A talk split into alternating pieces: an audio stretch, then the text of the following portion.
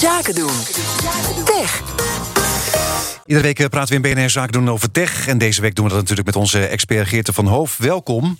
Dankjewel. Ja, Tesla stuurt uh, Elon Musk naar de top van de lijst met de rijkste mensen ter wereld. Analisten stellen dat uh, Musk ook de eerste triljonair. Ja, ik moet er even over nadenken. Triljonair ter wereld uh, zal worden. Hoeveel nullen zijn dat? Ja, het, zijn, het is een 1 met 12 nullen. Ja, in het Engels en in het uh, Nederlands is dat anders.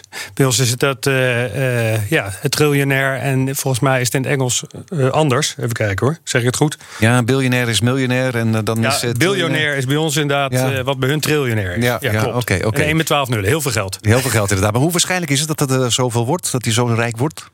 Nou, dat is uh, in die zin niet onwaarschijnlijk. Hij is op dit moment uh, de rijkste man ter wereld met 242 miljard dollar. Uh, dat komt omdat de koers van Tesla onlangs met 3% gestegen is. en daar bezit hij nog de meeste aandelen in. Uh, het was, uh, nieuws werd gemeld, uh, laatste kwartaalupdate. Het was afgelopen woensdag, was ook de eerste kwartaalupdate waarbij hij zelf niet aanwezig was. En dat maakte het opeens ook een hele rustige kwartaalupdate. ja.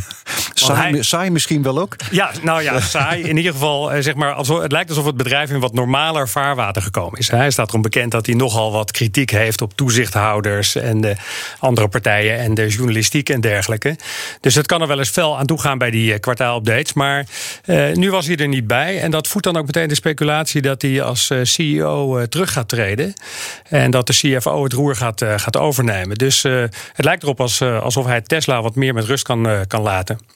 Ja, dus, maar hij heeft geld genoeg inderdaad. Dus hij, hij kan zich ook, ook inderdaad op andere zaken gaan richten. Ja, hij kan zich op andere zaken gaan richten. Tesla gaat goed. Uh, het heeft een uh, goede kwartaalomzet uh, gerapporteerd met 13,8 miljard dollar. En met een winst van 1,6 miljard. Dus, dus daar vloeit een, vloeit een hoop geld uit. En hij is langzaam zijn bakens aan het verzetten. en richt zich meer op SpaceX. dat is natuurlijk een bedrijf. Een beetje hobby eigenlijk. Nou, uh, nee, vergis je niet. Zeker niet in SpaceX. SpaceX is op dit moment al 100 miljard waard.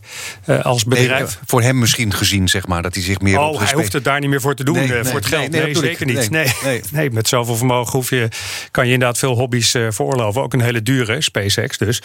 Um, maar vergis je niet, hij is daar in 2002 al mee begonnen. Nog voordat hij bij Tesla instapte. Dus hij had veel eerder die visie over, over space exploration. dan dat hij het had over elektrisch rijden, bij wijze van spreken. Dus ja, het is, het is wat dat betreft voor hem zeker geen hobby. Nee, maar ga hij anders helemaal uh, zich op uh, uh, SpaceX gaan, gaan richten? Verwachten ze dat, ze dat hij nog iets nieuws gaat doen? Dat hij, want hij heeft natuurlijk een aantal dingen lopen. Wat je zegt, 2002. Nou, we hebben het gisteren over de trein gehad. Die is natuurlijk ook, zit hij ook achter. Ja. Zijn er dingen, verwachten mensen gebieden waar hij toch weer in gaat stappen op een of andere manier. Nou, dat is bij hem natuurlijk een beetje moeilijk te voorspellen. Die man die is natuurlijk toch redelijk uh, apart wat dat betreft in zijn denken en super creatief. Uh, die trein bedoel je Hyperloop, denk ja, ik? Hyperloop, ja, precies. Nou, hij heeft natuurlijk nog dat Neuralink, hè, waarbij hij hersenen wil koppelen aan uh, computers. dus daar is hij druk mee bezig. dat staat nog helemaal in de kinderschoenen natuurlijk. Dan heeft hij die Boring Company, waarmee hij gaten boort en dergelijke. Dus ja, waar hij nu weer mee gaat komen, dat is een beetje de vraag. Maar ze verwachten dus heel veel nog van SpaceX, omdat het een bedrijf is wat heeft laten zien uh, dat het heel goed is in, uh, in, in ruimtevaartlogistiek, laten we maar zeggen. Hè? Dus raketten lanceren, maar ook weer laten landen. Uh, dat is hem echt al gelukt. Hij heeft dat Starlink heeft hij gelanceerd. Dat is dat netwerk van satellieten waarmee hij over de hele aarde internetdekking wil gaan bieden. En dat is nu onlangs in Griekenland echt commercieel uitgerold. dus dat is al echt een commercieel product, dus niet meer in de experimentele fase. Um, nou, en logistiek voor bijvoorbeeld de International Space Station verzorgt hij ook. En zijn grote ambitie. Hij zegt: Ik ben eigenlijk pas klaar op het moment dat we uh, de aarde verlaten hebben als mensen en Mars gekoloniseerd hebben. Ja, ja, En dat idee had hij dus al in 2002, want toen heeft hij de Space, uh, Space Exploration uh, Program opgezet. Het heet nu SpaceX, dat bedrijf.